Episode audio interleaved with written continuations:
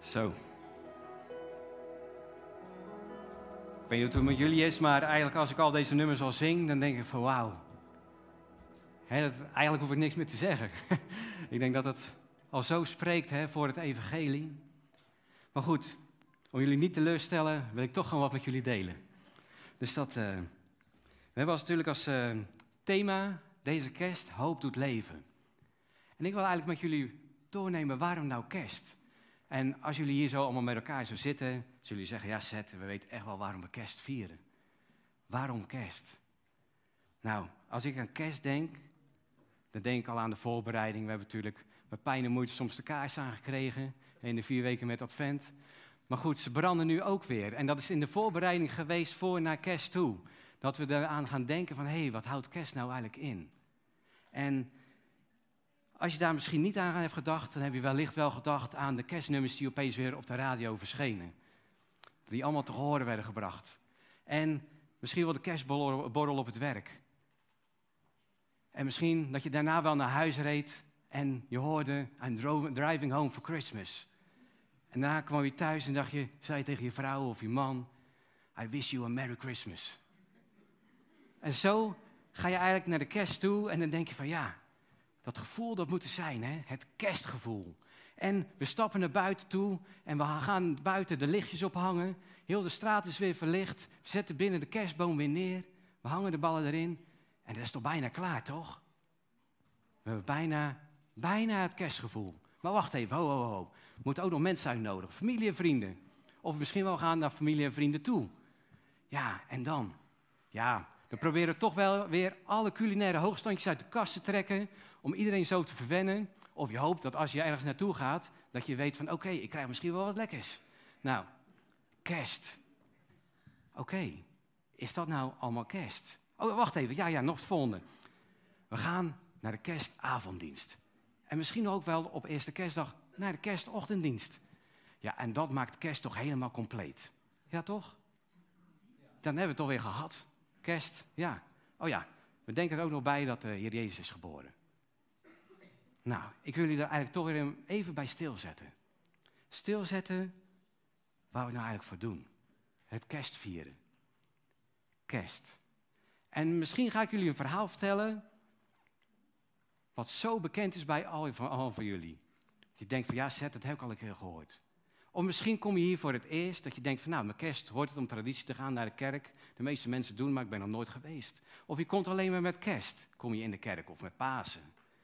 Maar toch wil ik jullie allemaal vragen goed te luisteren naar het verhaal. Al is het misschien nog zo bekend, maar wel tot in je hart laten neerdalen. Waarom? Waarom? Waarom kerst? En dan wil ik eigenlijk teruggaan naar de weg die Jozef en Maria gingen. En jullie zien het zo voor je. Misschien wel op de foto, maar misschien kan je het ook wel in gedachten voor je halen. Dat Jozef en Maria op weg zijn van Nazareth naar Bethlehem. En dan moet je toch niet bij nadenken dat je als vrouw echt op het eindje loopt van zwangerschap. Nou, ik had het niet ervaren, maar de meeste vrouwen toch wel. En die denken ja, moet ik dan nog die lange weg naar, naar Bethlehem gaan? Is dat iets wat je dan wil? Nee, ze moesten. En ze kwamen daar in Bethlehem. En nergens was de plek voor hun. En uiteindelijk kennen we het verhaal. Ze komen in een stal terecht. En de Heer Jezus wordt daar geboren. Het kindje Jezus. Ja, maar wacht even. Oh, kindje Jezus? Er zijn toch zoveel meer kinderen die geboren worden? Het zijn toch ook allemaal lieve baby's? Het zijn toch ook, ja, waar we naar kunnen kijken. Wat is er nou zo speciaal aan Jezus? En waarom is er zoveel over gezegd? Waarom wordt er zoveel over gezongen? Ik wil even switchen. We laten het kerstverhaal even hier. En we gaan even duizenden jaren terug. We gaan even helemaal naar het begin van de schepping. God zweefde over de wateren. En hij zag dat het woest en ledig was. Hij zegt, hier ga ik iets moois van maken. Hier heb ik zin in. Ik ga al mijn macht, mijn kunnen ga ik hierin steken. En God zorgde ervoor dat het water gescheiden werd. Het land kwam omhoog en het kwam droog te liggen. Hij maakte de zon en de sterren. En hij zette die op hun plek. En ook, nog de volgende uh, dia, mag erop. En hij zorgde ervoor dat in het water vissen kwamen. En vogels in de lucht en landdieren. En wat je meestal niet ziet, alle organismen die erbij horen. Hij maakt het plaatje bijna helemaal compleet. Bijna helemaal compleet, want er miste nog iets. God was nog niet klaar. God, die had toch iets moois in petto. Want hij ging de mens formeren. Hij pakte vanuit het stof van de aarde, formeerde hij een lichaam. En hij zegt, jij moet op mij lijken. En hij blies zijn adem in de mens. Zijn geest in de mens. En dat was de kroon van de schepping. En Adam, die kreeg een speciaal plekje. Hij kreeg een speciaal plekje in de Hof van Eden die God daar gemaakt had. En Adam zag hoe mooi de dierenwereld was, hoe mooi alles in elkaar stak. Maar toch miste hij wat. Hij miste wat. Want hij zag dat alle dieren, ja, samen waren. En hij miste iemand die bij hem paste. En God zag dat. En God, die liet Adam in een diepe slaap vallen. En hij pakte een stuk van zijn zij, zijn rib, en hij formeerde de vrouw. Iemand die naast hem stond, gelijk aan hem was. En toen was het helemaal compleet. Alles was in perfecte harmonie. En ze liepen met God, ze wandelden met God. God kwam elke dag met hun praten. En ja, ik denk dat ze zomaar ook gewoon de dag met elkaar doorspraken. De intieme relatie, ja, ik denk dat wij, als wij al een intieme relatie kennen, dat dit nog veel intiemer was dan dat. De mens was geschapen naar zijn beeld. En dat moeten we even vasthouden. Dat, hij naar zijn beeld geschapen, dat wij naar zijn beeld geschapen waren. Maar goed, je hebt ook nog de duivel. En die willen we toch al graag wel wegstoppen. Ja, en de duivel wilde alles wat God maakte, wat hij gemaakt had, wilde hij kapot maken. En hij dacht van, zo, die kroon op de schepping, de mens die God geschapen heeft. Zou ik zeggen, wat moet ik daarmee? Wat ga ik daarmee doen? Hoe kan ik die schepping vernietigen en zorgen dat God er niet meer trots op is? Dat wat God voor ogen had er niet meer is. En daardoor kwam de Satan in de vorm van de slang in het paradijs, in de Hof van Eden, en hij sprak de vrouw aan. In de Hof van Eden stond ook een boom. De boom van goed en kwaad. En daarvan had God gezegd: Jij mag, of de mens, je mag niet van die vruchten eten, want dan zal dat zijn dat je gaat sterven. En dat is nou juist iets wat de duivel probeerde bij Eva. Hij probeerde Eva te verleiden door te zeggen: Als jij toch een van die vruchten neemt, kijk zo mooi ze zijn. Dan zal je de kennis krijgen die God ook heeft. Dan zal je op hem gaan lijken. En wat een leugen was dat natuurlijk, want ze leken al op God. Alleen, ze waren nog niet op de hoogte gesteld van de kennis van goed en kwaad, wat het was. En toch dacht Eva, wauw, dat is een mooie vrucht, ik ga hem toch proberen. Ik ga toch proberen die te eten. Want misschien word ik wel net zo wijs als God. En daar was de eigen wijsheid soort van geboren. De eigen wijsheid die wij als mens zo eigen zijn. Te denken, te weten dat we toch wel beter weten dan de ander. En in dit geval van als God. Dat wij beter weten dan God. En dat is iets wat we vandaag de dag nog steeds terugzien. Heel vaak denken we toch wel dat we toch nog beter weten dan God. En heel veel mensen erkennen God nog geen eens. Maar goed, het was dus gelukt om daarmee de mens te verleiden. En de mens heeft daar openlijke rebellie gepleegd naar God toe. Want ze wilden hun eigen pad wandelen. De duivel dacht, yes, het is gelukt. Het is gelukt om de schepping te verpesten, wat God gemaakt heeft. En de intieme relatie die ze hadden, was daarmee ook over. Het was helaas dat ze daardoor uit elkaar moesten. Want God is heilig, God is rechtvaardig. En dat was juist nou niet het pad waar de mensen ingeslagen waren. Want die kozen voor de weg van onrechtvaardigheid, onheiligheid, onreinheid. Maar goed, Zoals God gewend was om elke dag met de mens te wandelen, kwam hij op dat moment ook weer. En de mens schaamde zich. Adam en Eva verborgen zich en die bekleden zich met bladeren. En daarom, omdat God ze riep, kwamen ze toch wel angstig tevoorschijn. God riep de mens, de mensen, Adam en Eva en de slang ter verantwoording. De stap die ze, de weg die ze waren ingeslagen, dat resulteerde in de aftakeling van de mens. En uiteindelijk het sterven. De dood was naar voren gekomen. Alle moeite, pijn en ellende wat daaruit voorkomt, ziekte, etc. Dan is op dat moment de wereld ingekomen. De kroon van de schepping was niet meer de kroon. En dat klopt ook. Want waar God het leven had gecreëerd, daar was de dood binnengekomen. De dood zal heersen en niemand kon er meer onderuit komen. Dat is wat er gebeurd was. En de Satan dacht, dat is gelukt. Dat is mooi. Ik heb ervoor gezorgd dat het vernietigd is. Dat het zichzelf gaat vernietigen. Maar daar vergist hij zich in. Want God had alsnog een belofte. Ondanks dat de mens tegen hem gerebelleerd had, had hij een belofte voor hen. En dat staat in Genesis 3, vers 15. En daar staat: Ik zal vijandschap teweeg brengen tussen u en de vrouw. En tussen uw nageslacht en haar nageslacht.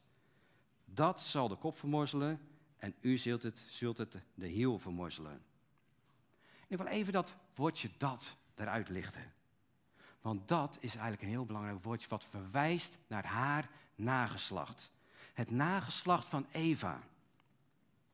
En als we weten wat Eva, de naam betekent, wat eigenlijk heel mooi is, wat betekent leven.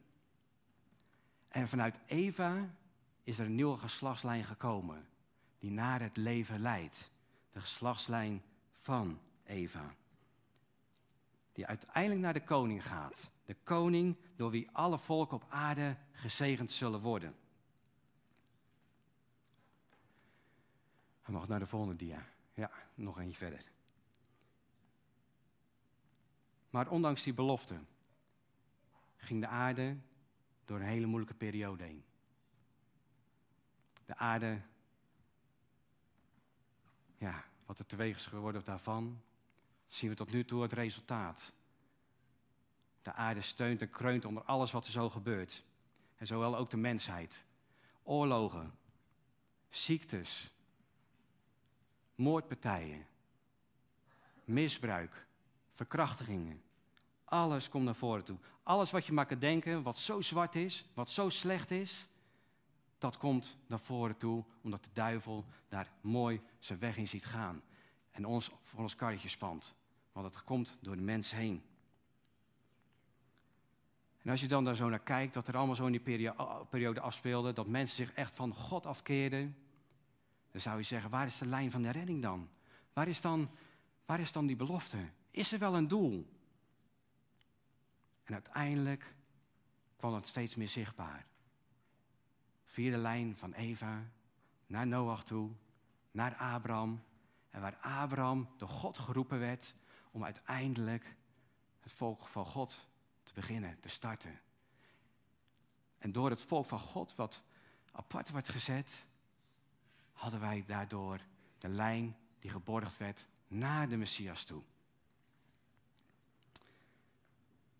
En doordat het volk apart gezet werd, in een wereld waar alles zo slecht was, moesten er ook regels komen. De zonde moest ontmaskerd worden, want de mensen wisten niet, wat doen we dan slecht dan?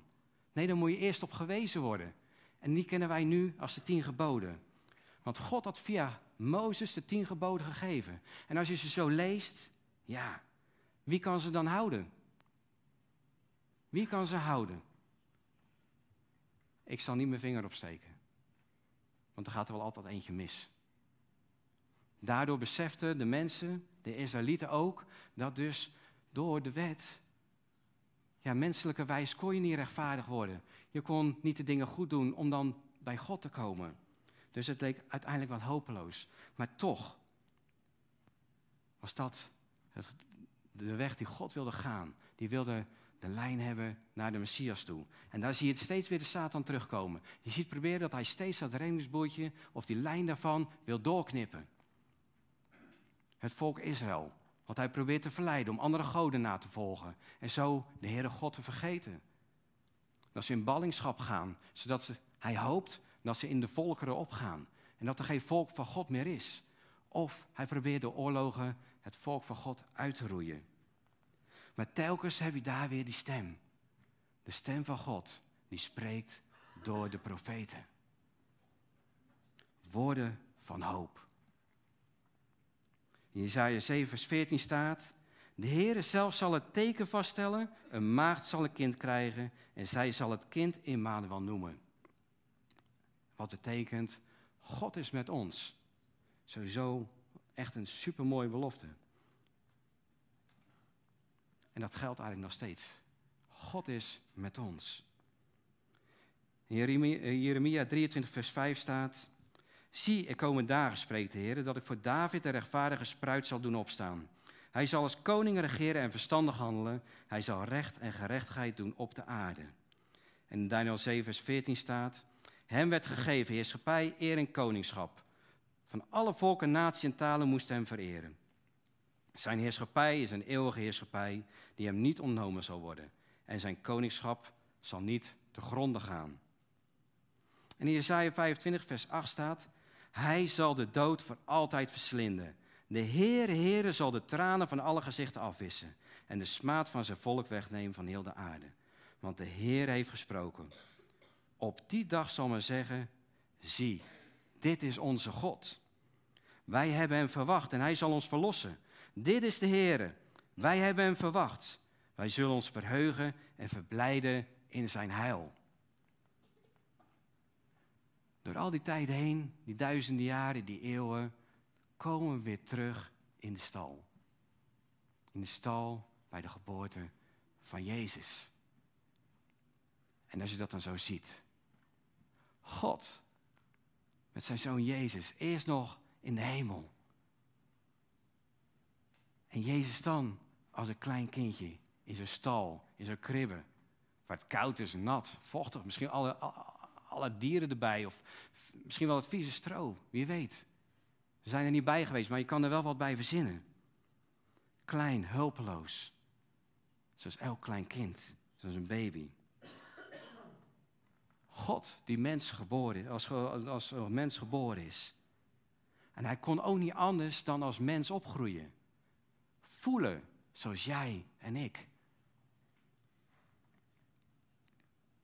Het enige verschil was dat hij niet geboren was uit het zaad van een man, van, van het zaad van de Heilige Geest, wat in Maria gelegd was.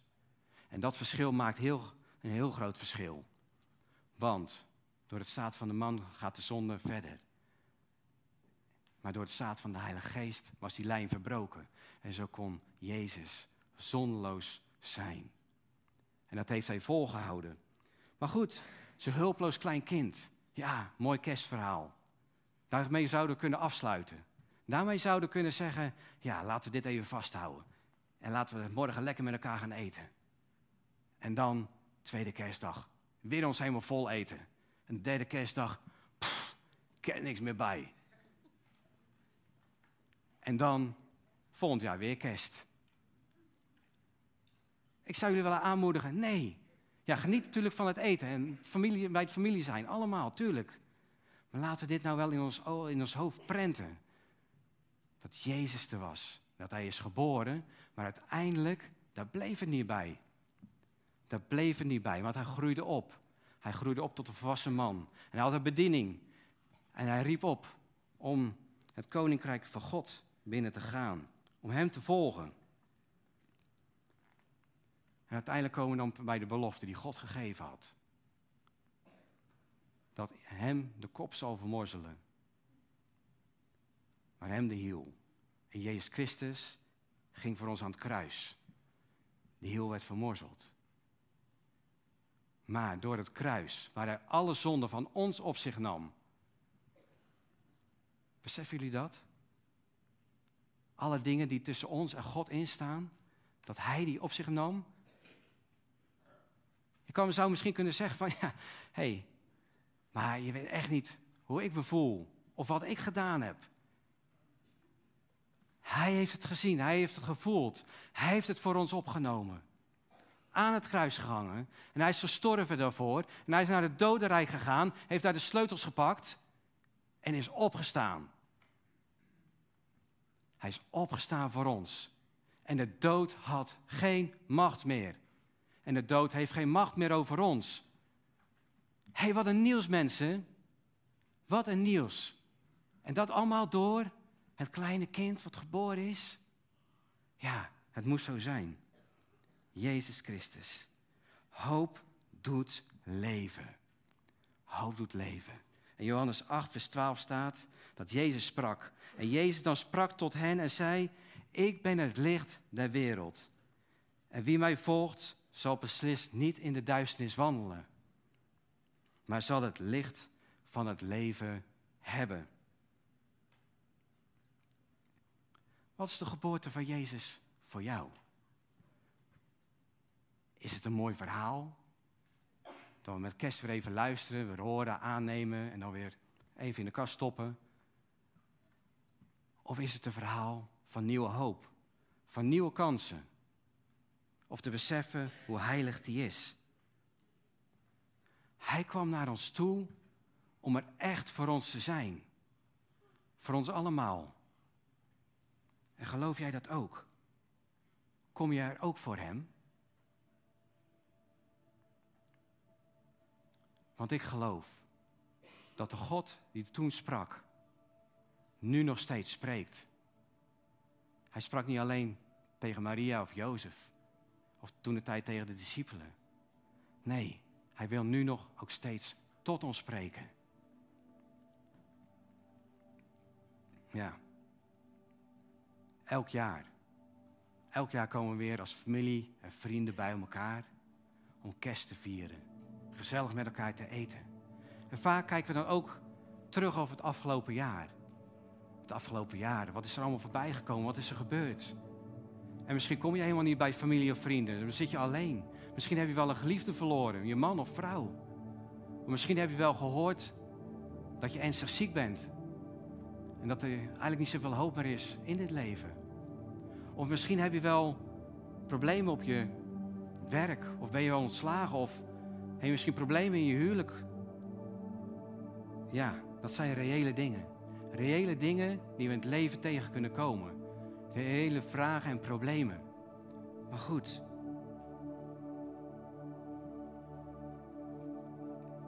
Ik denk dat het belangrijk is om één ding te onthouden. En stil te staan op een moment dat.